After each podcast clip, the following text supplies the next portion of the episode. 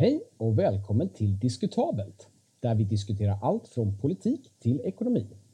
Jag heter Johan och i detta avsnitt intervjuas Jesper Roine, Associate Professor på Handelshögskolan i Stockholm, om ojämlikhet och social mobilitet.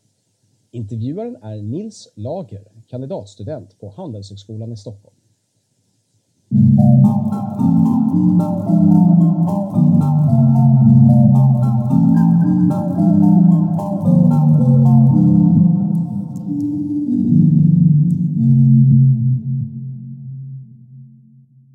Tänkte hoppa liksom rakt på. Varför är det så att eh, ekonomer idag studerar ojämlikhet och studerar fördelningsfrågor? Liksom? Dels så har de alltid gjort det i någon utsträckning. Liksom ända sedan eh, sen klassiker som Ricardo till exempel skriver om fördelningsfrågan som helt central för den ekonomiska frågeställningen. Sen har det gått lite i vågor liksom, över tid hur, hur centralt man har betraktat det här. Men från mitt perspektiv, finns andra som har sagt det här mycket, mycket elegantare än vad jag kommer formulera men en stor, den kanske största frågan handlar ju om varför är vissa länder i världen rika och inte andra? Den andra frågan är varför inom varje land ser vi en del som är enormt framgångsrika och andra som är mindre framgångsrika? Båda de frågorna är ju egentligen, har en fördelningskaraktär. De ställer frågor om varför är det så att vi ser skillnader i utveckling eller utfall rent ekonomiskt? Vad, vad beror det här på? Och den andra anledningen som jag tycker är minst lika viktig, det är att om man tänker på ekonomin som ett system, som ett dynamiskt system där människor fattar beslut, liksom någon sorts framåtblickande beslut. Det är ju så vi, vi tänker oss att människor gör. Mer eller mindre rationellt, mer eller mindre välinformerat. Men, men det är ju ändå summan av massa individuella beslut. Då gör man det här dels med en utgångspunkt. Man startar ju, alla startar någonstans med vissa resurser. Och de resurserna avgör i väldigt hög utsträckning vilka alternativ som står till buds. Så att säga. Och den andra delen av, av det hela är ju att man agerar också, tänker vi oss, speciellt ekonomer tänker, tänker sig att ett motiv för varför människor agerar på ett visst sätt är att de ser framför sig att olika sätt att agera resulterar i olika utfall. Om, om jag i alla fall tänker på ekonomin i de termerna, då är ju liksom fördelningsfrågan är ju helt central både för vilka möjligheter har människor att agera utifrån? Och det andra är vilken incitamentstruktur skapas liksom av fördelningskonsekvenserna av deras agerande? Och då blir ju fördelning blir en central aspekt av att förstå ekonomi. Vilket är liksom, uppenbarligen en väldigt stor del liksom, av ens en verklighetsuppfattning. Att man har någorlunda li, lika livschanser mm. är ju någonting som, som de flesta i alla fall liksom, känner att det här är någonting som vi bryr oss om. Mm. Men när man senare liksom, när man tittar på, tittar på, när ekonomer tittar på data och försöker mäta ojämlikhet så tittar man ju då liksom på, okej okay, men här har vi liksom en Gini-koefficient på mm. 0,27. Vi kan ju förklara begreppet Gini-koefficient sen också men mm. vi tittar på liksom exakt hur många procent går till vissa andelar. Det vill säga hur, hur gör man det här för att gå för, okej okay, det här verkar vara någonting som vi bryr oss om mm. och försöker förstå. Mm. Och det, det, här är vad vi ser i, det här är vad vi kan mäta. Hur, hur, hur, liksom, hur, hur, ser man på den här liksom, kopplingen mellan liksom, data och nationalekonomi och liksom, den politiska filosofin bakom det? Liksom? Mm. Det är en jättestor fråga och det är också någonting som det finns hela subfält liksom, inom detaljer kring det här. Hur ska man göra? Men om man ska förenkla väldigt mycket så kan man säga att ekonomer ofta begränsar sig till den helt, helt enkelt den monetära delen av resurser det är tveklöst så att det är en viktig del av förutsättningarna. Men det är ju långt ifrån allt. Det är absolut så att det finns många andra saker, inklusive en del saker som vi tar för givet att vi har i samhället, som definitivt utjämnar chanser om man ser det i ett historiskt perspektiv. Säg att vi har, vi har skolgång till exempel. vi har inte bara möjlighet till skolgång, vi har obligatorisk skolgång. Och den betalar ingen för. Det är ju en fantastisk uppfinning om man ser det här i ett liksom, historiskt perspektiv, ett 200-årigt perspektiv, som gör väldigt, väldigt mycket för att utjämna livschanser. Det är ju ingenting som dyker upp i någon Gini-koefficient att det är så.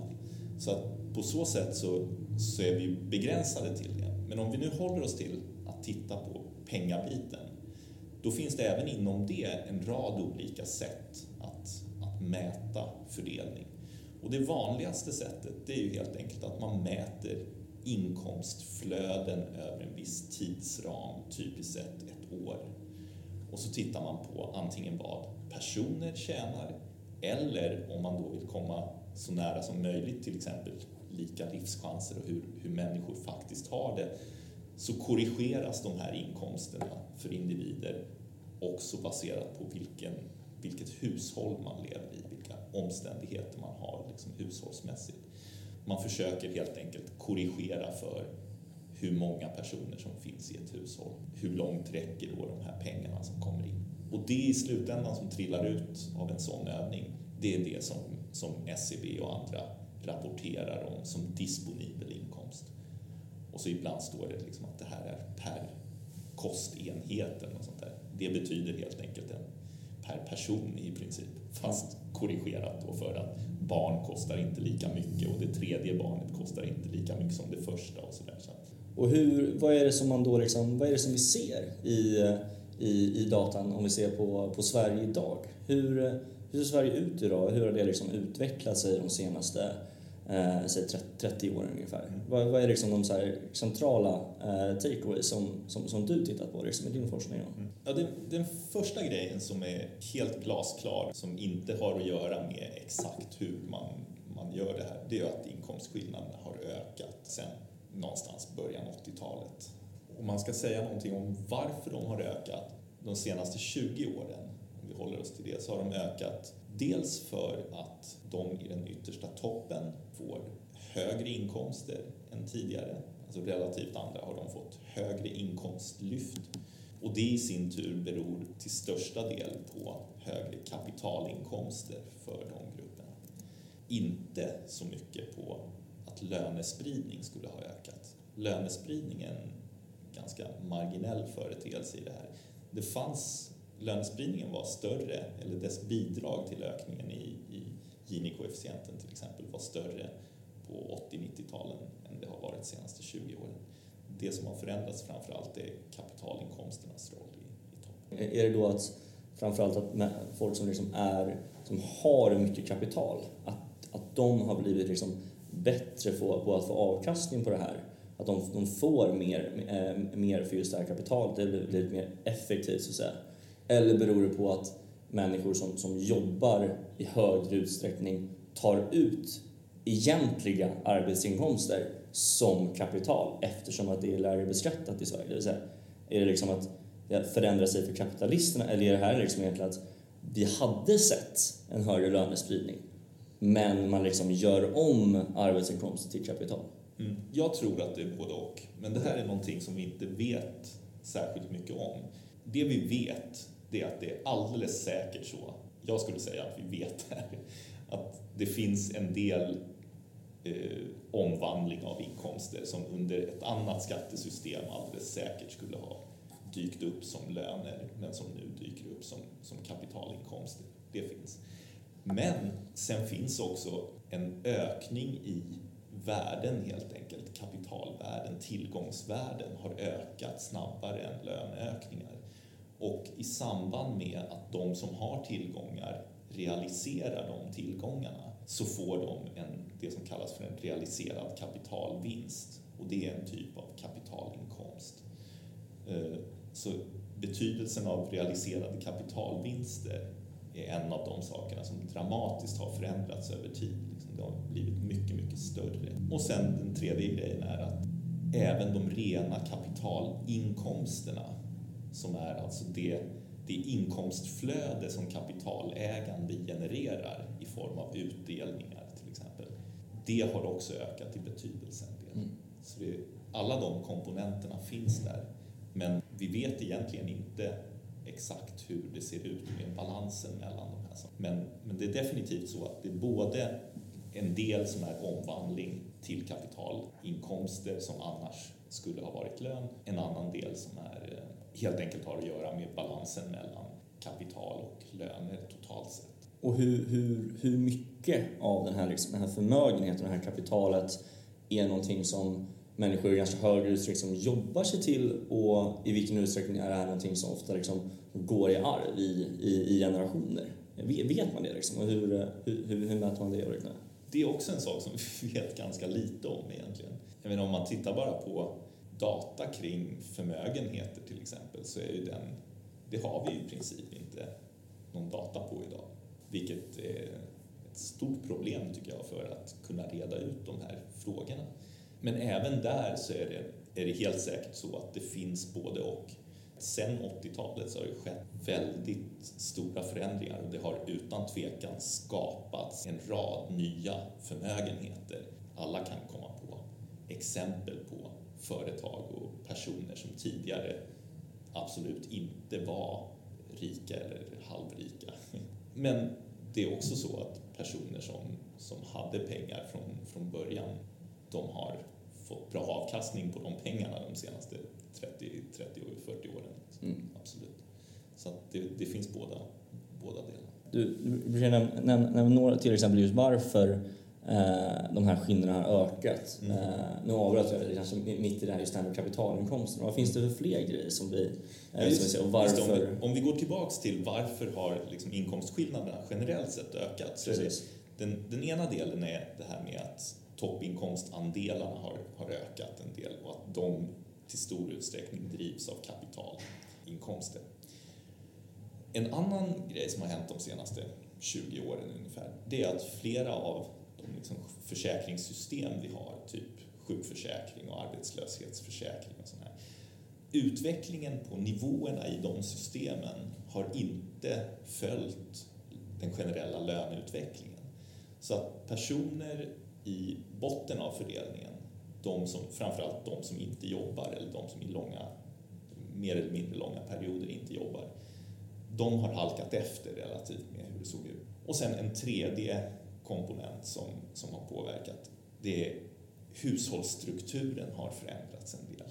Den här förklaringen som jag gav tidigare om att man kan skilja på individuella inkomster, de påverkas förstås inte av, av eh, hushållsstrukturen utan om du har en viss inkomst, då har ju du den oavsett under vilka förhållanden du lever så att säga. Mm. Men däremot påverkas din disponibla inkomst av om du bor själv eller om du bor tillsammans med någon, hur många barn man har, alla sådana här saker i, i hushållet, alla sådana saker påverkar den disponibla inkomsten.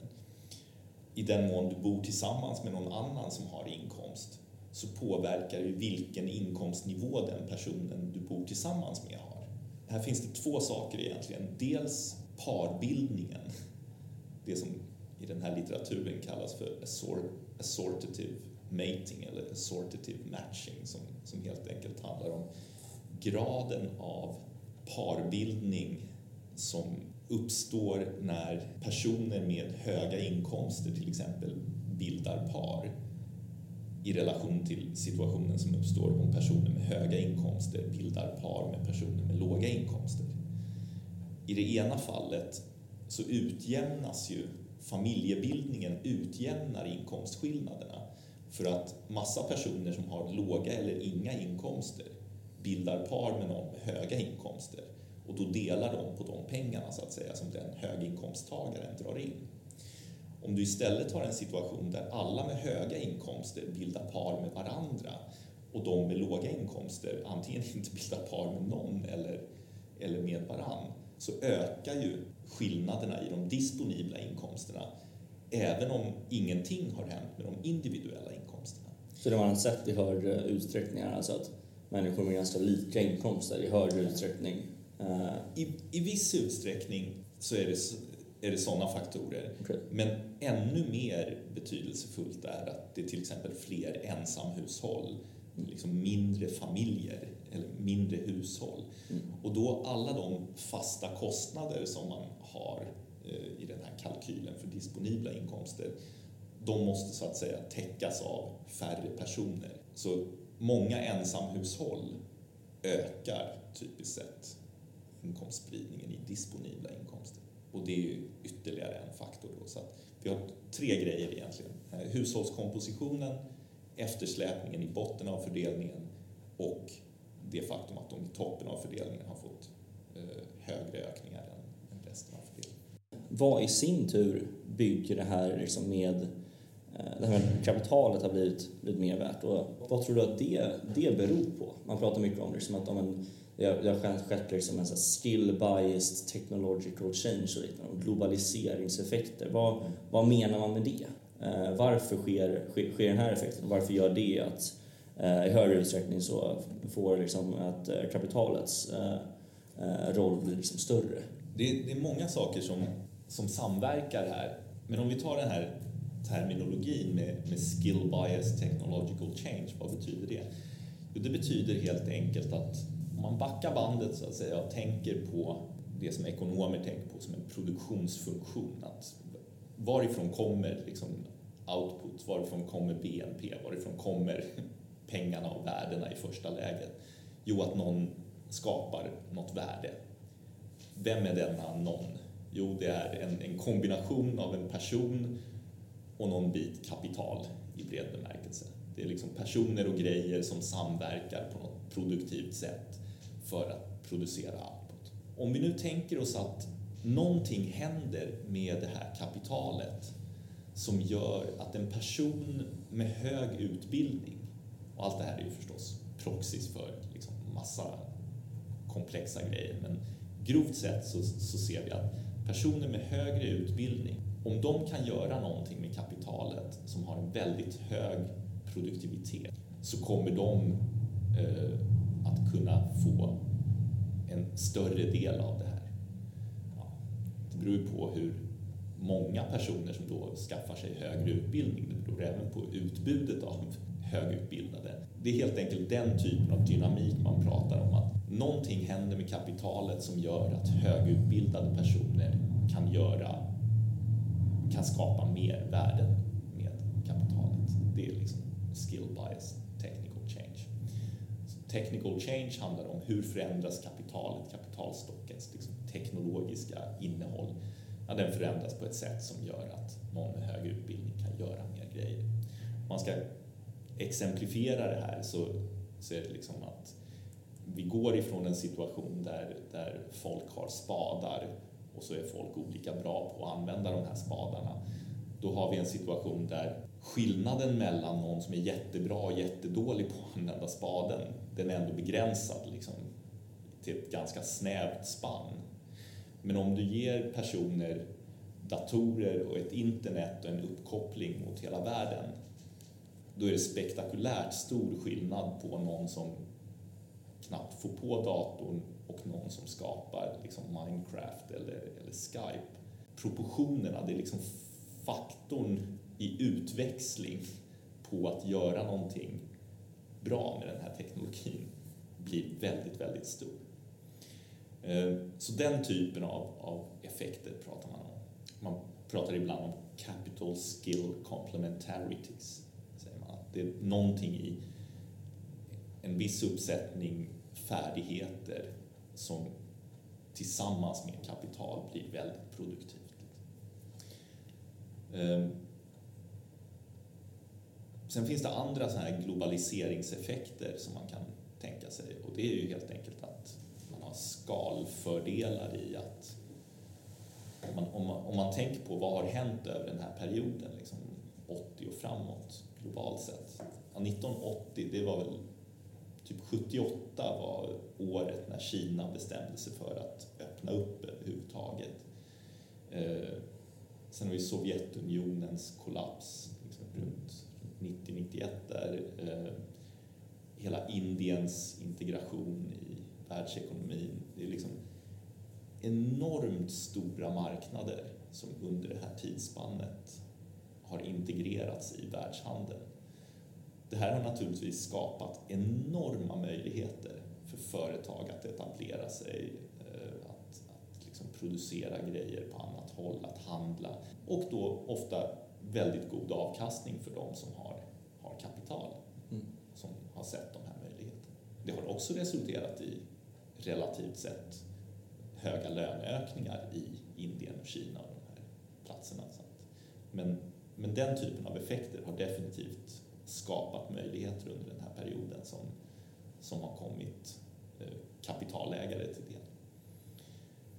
Och sen finns det ytterligare en sak som då tangerar lite det här som, som jag pratade om först. Man pratar om att inom massa branscher så finns det olika former av så här superstar effects. Att om du är väldigt duktig på någonting och så är du duktig på det i en begränsad Eh, region så att säga. Du, du kan bara, det finns en teknisk eller rumslig begränsning i att du kan vara bäst i Stockholm eller du kan vara bäst i östra Svealand eller du kan vara bäst i Sverige på någonting. Eh, och då har det en, en viss avkastning att vara, vara Zlatan eller Ingvar Kamprad i den här kontexten. Det är klart att det skulle gå bra för dig då, men om du kan vara på den nivån globalt sett så, så har ju det återigen en helt annan utväxling. Och det kombinerat med teknologi som du kan sprida att titta på fotboll till exempel globalt sett mm. resulterar i spelarlöner och eh, avkastning på sån verksamhet mm. som är helt enorm. Och det är klart att det allt handlar inte om det, utan det är bara ett exempel som är väldigt tydligt att förstå. Men samma typ av fenomen finns inom massa branscher på olika nivåer. Liksom. Jo, men om man då ser på vad implikationerna av den här liksom still bias technological change blir, när det blir att man skapar liksom en polariserad arbetsmarknad med å ena sidan liksom enkla jobb med, med ganska låga krav på sig och sen å andra sidan Eh, väldigt liksom komplexa jobb som kräver jättehög utbildningsnivå. Kommer inte, då, då, kommer det i sig då leda till stora klyftor i, i, i, den generationen som man har och sen i nästa generation kommer man alltså då ha en mycket liksom större skillnad mellan, mellan barn och deras förutsättningar. Liksom. Hur blir det, kommer det liksom, den här skill-wise technological change, är det någonting är det någonting bra? Är det någonting farligt? Är det någonting, liksom, någonting som vi, vi inte vill ha? Eh, vad, hur, vad, liksom, vad blir implikationen av, av, av, av den här förändringen, liksom, den här utvecklingen? Ja, alltså, dels så, så kanske man inte ska dramatisera det för mycket, liksom, för att det vi pratar om är ändå det är skiften i grad, så att säga. Det är inte, det är inte så att för 30 år sedan att alla jobb var lika då heller, eller att nej, det inte fanns liksom enkla jobb och komplexa jobb. Så det, det är det första att det behöver inte liksom vara så dramatiskt, men jag tror att stora delar av det vi ser kan man ändå förstå anledningarna till i att det har liksom spetsats till lite grann just det här med hur mycket betyder det om du är väldigt framgångsrik inom något visst yrke eller någon viss bransch eller har en speciell uppsättning färdigheter. Mm. Men det andra är ju att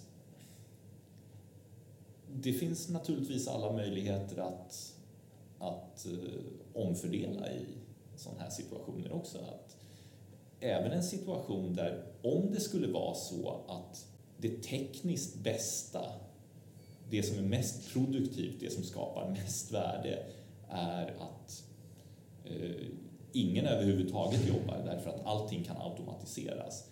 Ja, då står vi inför en liksom helt ny fråga i, kring ja, men hur ska de värdena då fördelas? Liksom, eftersom om man då helt släpper kopplingen mellan... Nu tror jag inte att... Jag tror absolut inte att vi är där. Vi kommer sannolikt inte dit heller, men, men det är en lite annan diskussion. Men, mm. men jag bara säger att vi har under väldigt lång tid så har vi haft massa institutioner och eh, massa system som på olika sätt griper in i det som är liksom spontana utfallet och som på olika nivåer omfördelar pengar och därmed möjligheter. Liksom mellan Och det kommer vi sannolikt att göra framöver också. Frågan är i vilken utsträckning kommer vi göra det? Och, och där är det klart att det är definitivt så, som du säger, att om vi har en situation där vi har stora klyftor av någon anledning, vi börjar i en situation där klyftorna är stora, ja, då är det klart att då finns det ju barn som växer upp med mer olika förutsättningar, så att säga, än vad de skulle haft om klyftorna hade varit mindre. Sen kan vi ju fundera kring, ja, finns det någonting vi kan göra då för att minska gapet just för barnen, så att säga, i, det här? Och det kan jag någonstans tycka att, ja, om det fanns saker som man på något sätt kan rikta så tycker jag att det av massa skäl är liksom attraktivt att tänka på det i termer av att se i största möjliga mån till att det här inte påverkar just möjligheterna, lika möjligheterna för, för barn. Men samtidigt så är, vore det ju naivt att tro att vi på något sätt kan, kan isolera barnens situation ifrån sina föräldrars situation. Och därmed blir liksom den här, det som ofta målas upp som en, en, eh, liksom ett val man kan göra, att vi bryr oss inte om utfall, vi bryr oss bara om eh, förutsättningar. Ja, de går ju inte riktigt att separera av den enkla anledningen som jag sa inledningsvis, att, att varje situation, varje tidsperiod börjar med en viss fördelning. Och det är utifrån den som alla agerar. Och sen kan vi liksom jobba med att försöka liksom skjuta det där i olika riktning. Men det går inte, skulle jag säga, att, att skilja utfallet ifrån det som är startpunkten. Och då står man inför valet, hur mycket vill man korrigera?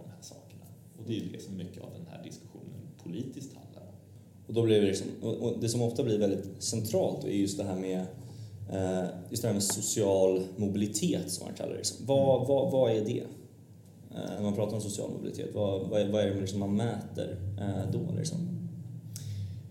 Dels så, så pratar man ju om, eh, om, om vi håller oss återigen till, till det här med inkomstmobilitet till exempel, då pratar man ju om hur mycket rör sig en person i fördelningen över sitt liv.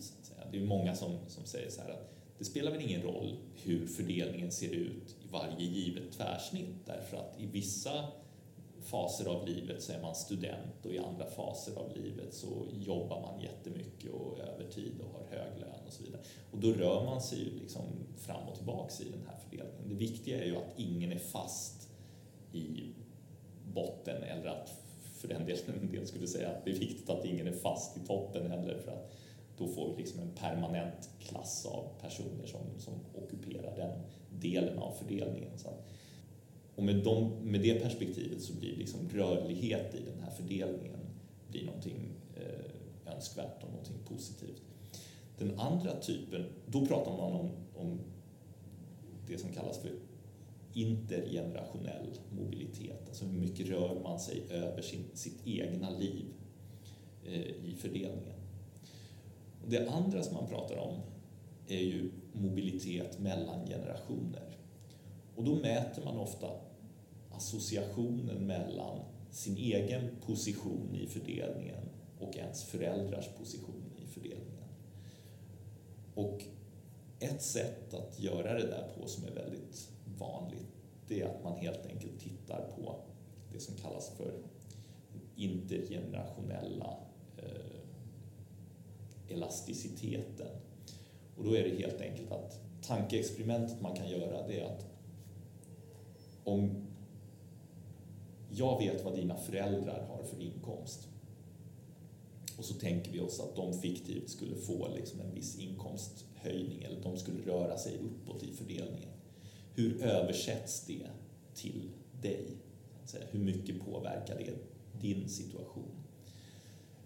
Om den där koefficienten skulle vara 1, då betyder det att ditt utfall bestäms helt av dina föräldrars situation.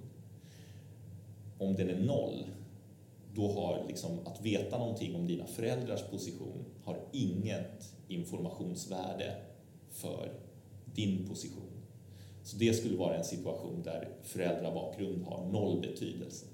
Och den typen av mått, tittar man på det mellan länder så kan man göra det för, för Sverige och de nordiska länderna och några europeiska länder och USA och Kanada. Det finns en handfull länder. Det här är ganska krävande datamässigt därför att du måste veta saker om dina föräldrars inkomst, inte bara ett specifikt år utan över en längre period så att vi kan få någon sorts uppfattning om livsinkomst för dem.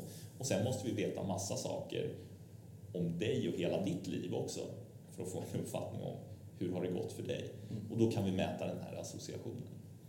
Och gör man det mellan länder så, så får man en bild där eh, den här elasticiteten då i de nordiska länderna är runt 0,3 eh, medan den i USA är 0,45. Så att, helt enkelt så att föräldrabakgrund i USA har, har större prediktionsvärde på hur det går för, eh, för barn mm. än det har i Norden.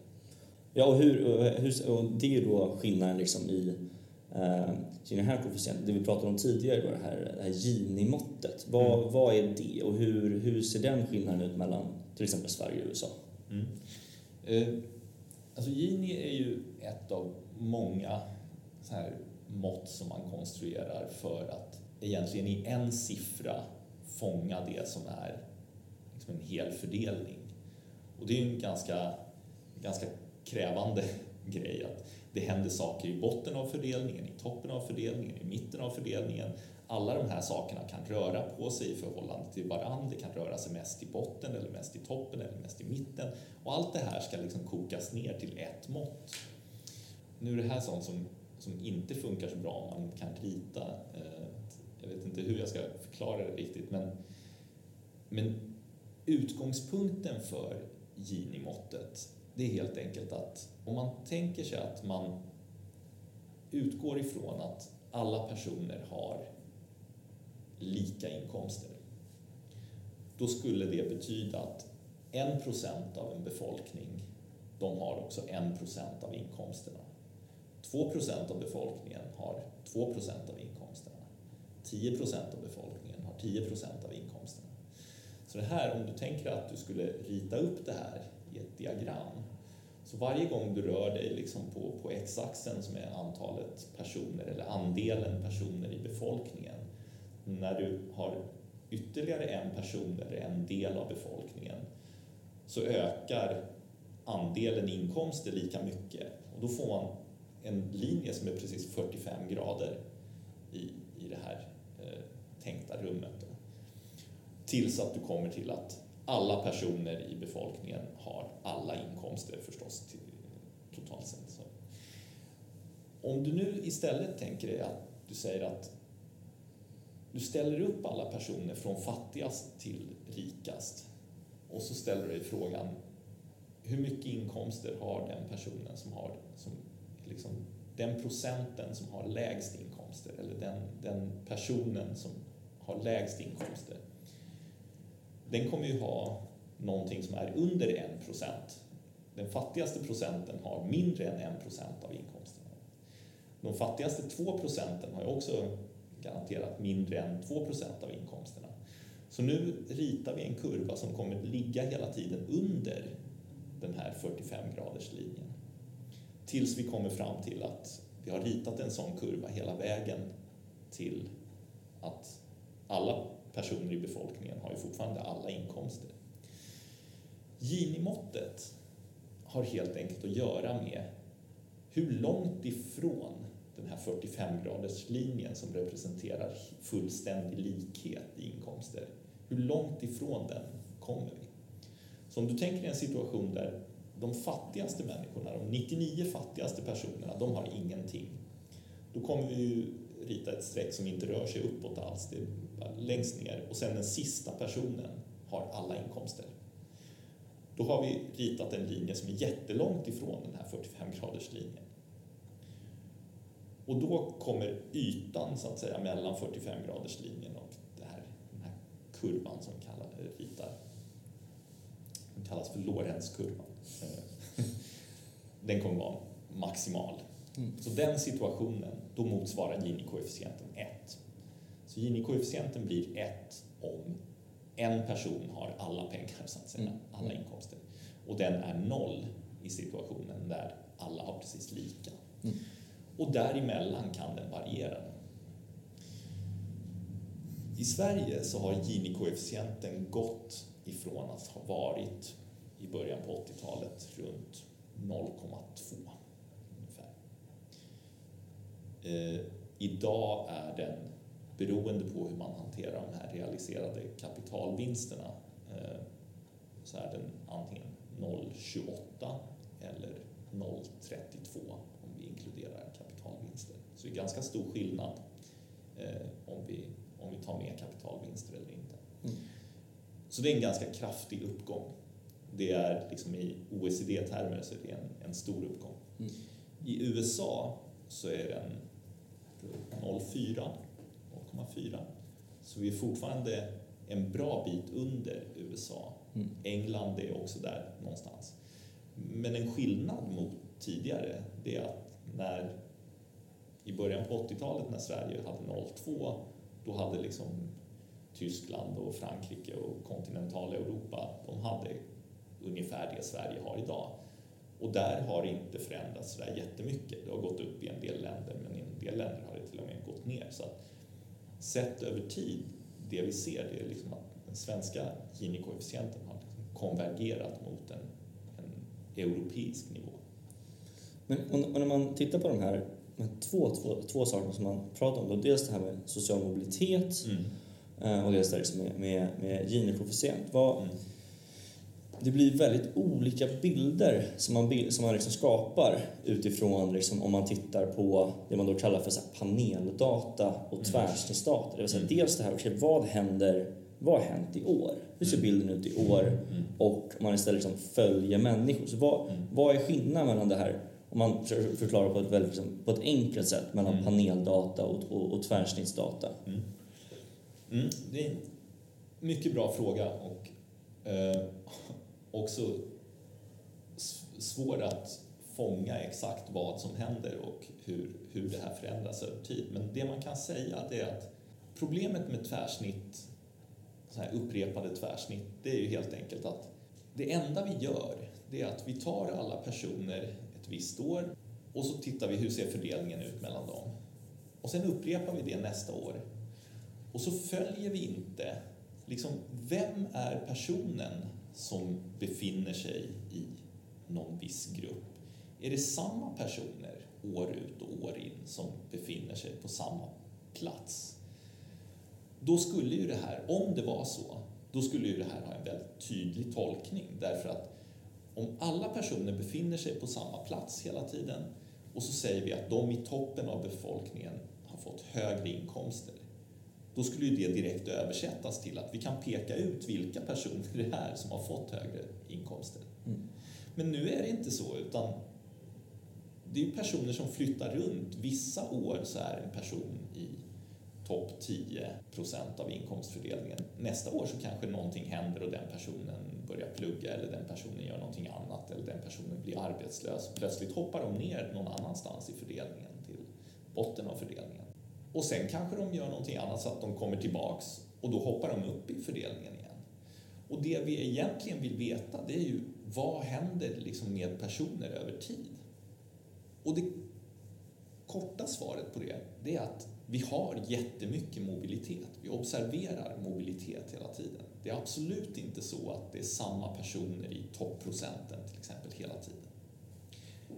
Men det vi kan säga det är att om vi gör den här övningen med att vi tittar på inkomstskillnader i upprepade tvärsnitt och sen följer vi individer istället och så tittar vi på hur mycket har, har inkomstspridningen ökat då över tid när vi följer individer och deras rörelser över tid? Eller är det så att det som ser ut som en ökning kommer av att folk flyttar runt mer? Då skulle jag säga att det är väldigt tydligt så att vi har haft en reell ökning i inkomstskillnader även när vi tar i beaktande att folk flyttar runt. Folk flyttar runt mycket i fördelningen, men det gjorde de förut också. Så att det har inte skett en jättedramatisk förändring i hur mycket folk flyttar runt. Åtminstone inte i sån utsträckning att bilden av ökade inkomstskillnader försvinner, så att säga. Att det, det vi ser i de upprepade tvärsnitten, att det skulle vara någon sorts artefakt av att vi inte följer personer. Därför att även när vi följer personer så har inkomstskillnaderna ökat. Ja, för det, det, är ju, för det, liksom, det, är ju, det är två helt olika bilder av verkligheten som man får. Till exempel från, om man tittar på data från det amerikanska skatteverket från perioden 96 till 2005. Mm. Då visar att individer som befunnit sig i botten 20 procent mm. såg sina inkomster öka med 91 procent över de här nio åren. Okay. Medan de så kallade då superrika topp 1 procent mm. under den här perioden har sett sina inkomster falla med, med 26 procent. Mm. Samtidigt som vi ser den här jättestora liksom, förflyttningen av stora liksom, inkomster till, eh, till de allra, allra rikaste, framförallt i USA. Mm. Så, det är väldigt svår, hur, så hur, hur kan liksom båda de här två bilderna vara, vara sanna? Liksom? Ja, alltså... Hur förstår man förstå sig på dem? Det är, liksom. det, det är tyvärr så att det finns ingen riktigt lätt genväg annat än att, att bara försöka hålla i huvudet vad det är man pratar om, så att säga. Mm. Och att det är ju hela tiden så att om du isolerar alla personer i botten, ja, då kan ju inte de ta vägen någon annanstans än uppåt, så att säga. Mm. Så att tack och lov så ser vi att de rör sig ja. liksom uppåt. Precis. Och om man tänker sig att den gruppen, i Sverige till exempel, så, så består grupper eh, med låga inkomster ofta av studenter mm. som då tio år senare inte längre är studenter. Precis. Så deras situation, och de är dessutom ofta unga och befinner sig i en fas i livet när deras inkomster ökar väldigt mycket. Liksom. Så då skulle vi också se att de personerna i snitt förstås har en väldigt dramatisk ökning av sin eh, inkomstsituation. Eh, situation. liksom. De får höga inkomstökningar. Ehm, samtidigt som vi tar motsvarande personer i toppen så är det naturligtvis så att många personer i toppen faller ifrån också hela tiden. Ehm, men när vi försöker göra det här på ett sådant sätt att vi följer personer verkligen över alla de här faserna och tittar på personer, eller tittar på personer i fönster av livet så att säga, där snittet över ett visst antal år mm. kan sägas vara representativt för deras position liksom över hela livet. Och så ställer vi oss frågan, om vi tittar på folk över ett antal år har då inkomstskillnaderna ökat mellan de här personerna sett över livsinkomster? Ja, då skulle jag säga att ja, det har de. Mm. Absolut. Och anledningen till det och att det kan vara sant samtidigt som folk rör sig, det är naturligtvis att ja, folk har alltid rört sig på det här sättet. Om du tittar på en enskild individs inkomstkurva över livet så är den ganska olik. Så att det är klart att du inte kan plocka en individ ett år och säga att den här personen är väldigt, liksom, i en väldigt utsatt situation. Därför att inkomst i sig säger inte det om en person. Eh, utan då måste du titta på i vilken, varför är den här personen, varför har den här personen låg inkomst just det här året? Var i livet befinner sig den här personen? Hur kommer det här att se ut mellan år och så vidare. Men det kvarstår att även när man tar in sådana faktorer och tittar på de grejerna också, mm. då är det fortfarande så att inkomstskillnaderna har ökat.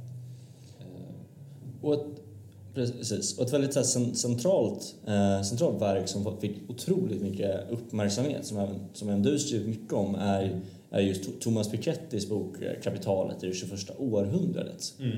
Vad, vad var det som liksom var nytt med, eh, mer just kapitalet? Vad var det som den liksom tillförde som man inte visste tidigare innan eh, Thomas Piketty då eh, kunde visa på liksom, olika liksom, dynamiker och mekanismer? Oj, eh, det var en stor fråga. Ja, det var en lite elak fråga. nej, nej, inte alls. Ja, det, alltså, den, den absolut största grejen som han har bidragit med det är de historiska serierna över inkomstskillnader eh, för ett stort antal länder. Det är inte han som har tagit fram dem, men han har varit ledande i det liksom forskningsprojekt som, som har involverat massa människor i, i många länder, som har resulterat i att vår bild av långsiktiga förändringar i det här i, i inkomstfördelningen har dramatiskt förbättrats. Vi vet liksom enormt mycket mer om hur inkomstskillnader inom länder och mellan länder har utvecklats sedan slutet av 1800-talet till idag eh, jämfört med vad vi gjorde för 15-20 år sedan när, när han började det här arbetet. Eh, så det, det är det riktigt stora.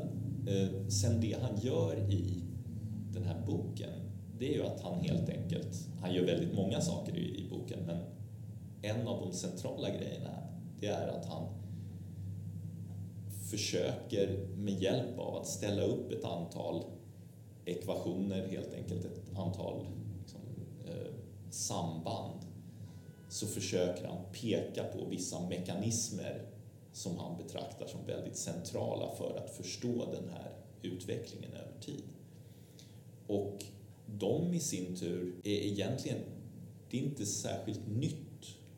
Eh, många av dem kommer direkt ur liksom Solov-modellen, eh, alltså tillväxtmodell av, av Robert Solow, som, som har funnits, funnits länge.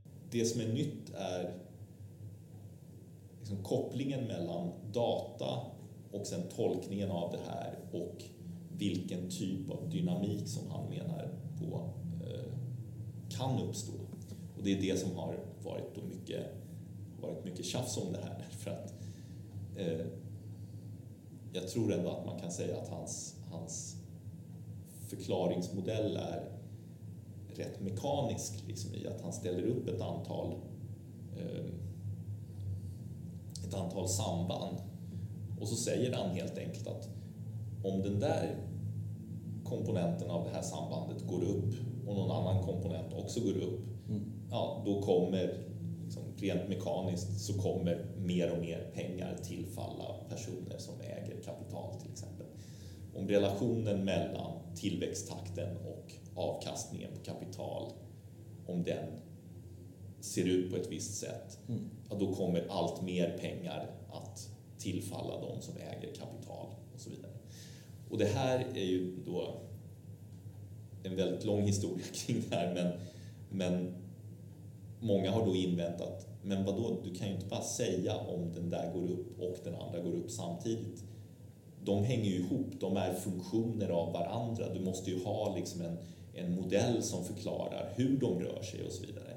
Då säger han, det, det ska vi ha sagt helt från, helt från början, liksom att det är solklart att, att Thomas Piketty har full koll på de här modellerna. Ja. Det är inte så att han inte vet hur den här matematiken bakom ser ut. Tvärtom, han, han har skrivit liksom flera, flera papper, flera kapitel i handbooks i, om just den här typen av dynamiska modeller. Han, han vet mycket väl eh, hur de här sakerna hänger ihop och hur man brukar tänka sig att det här ska modelleras och så vidare. Mm. Men han väljer i den här boken att på något sätt i ett försök, alltså den, den välvilliga tolkningen är att han vill hålla det enkelt helt enkelt. Och så säger han att det finns massa saker som påverkar de här grejerna. Mm. Men med hänvisning till historiska data då framförallt så säger han att det finns ingenting som, som verkar tyda på att, att de här skulle bete sig över tid på ett sätt som, som är annorlunda än det jag säger Nej. skulle kunna vara fallet framåt i tiden. Och då får vi en dynamik som ser ut på ett visst sätt och den dynamiken handlar helt enkelt om att mer och mer eh, av inkomsterna kommer tillfalla de som är kapitalägare. Precis, för, för den, och den kritiken, i alla fall enligt min uppfattning, är lite, lite annorlunda än om man till exempel tittar på andra ekonomer som pratar mycket om den här frågan. Till exempel här, om man tittar på eh, Josef Stiglitz pratar, pratar mycket om att okay, men systemet är liksom riggat. Mm. Vi, vi, kan ha liksom, en fungerande liksom, eh, kapitalism, liksom lobbyismen har. Eh, lobbyisterna och eh, de i toppen har, och, och bankirerna har riggat det. Mm. Piketty säger liksom nästan att men det här med en ökad ojämlikhet mm. och ökade orättvisor, det är liksom inbyggt i kapitalismen. Eller, är det en tolkning som du skulle liksom hålla med om? Att det är, en, det är ett annat liksom, liksom tänk kring, kring liksom själva systemet i kapitalismen, vad det liksom skapar? Mm. Ja, det där är också en, en fråga som då ytterst handlar om vad menar man med kapitalismen?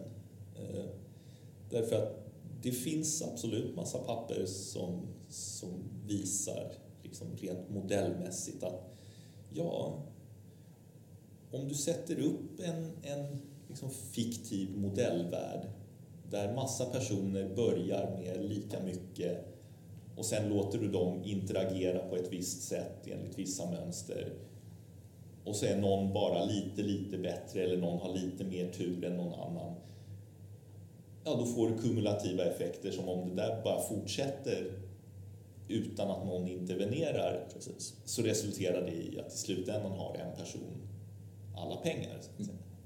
Om man menar att det är det kapitalismen är, ja då är det inbyggt i kapitalismen att, att den typen av mekanism att den finns. Så att säga. Nu skulle jag inte välja att, att tolka kapitalism som som varandes en sån här modell som, som man liksom man startar, sen trycker man på play och sen så låter man de här interagera 40 miljoner gånger i rad och sen konstaterar man att det slutar alltid med att en snubbe har alla, alla pengar.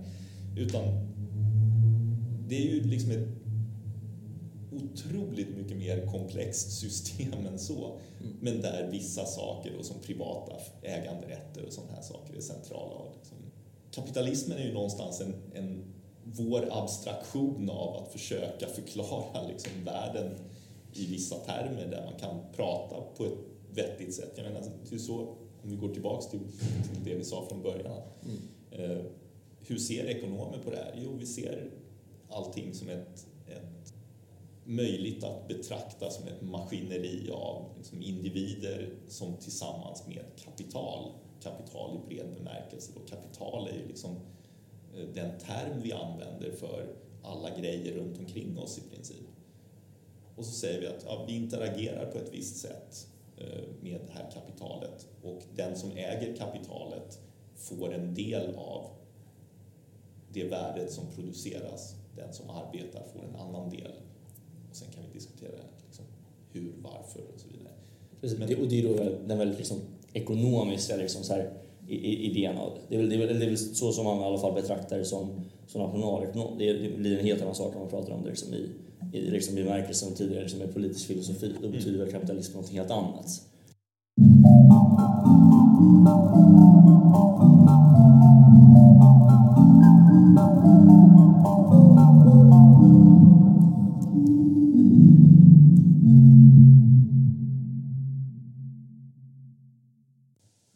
tackar Jesper och Nils för denna intervju.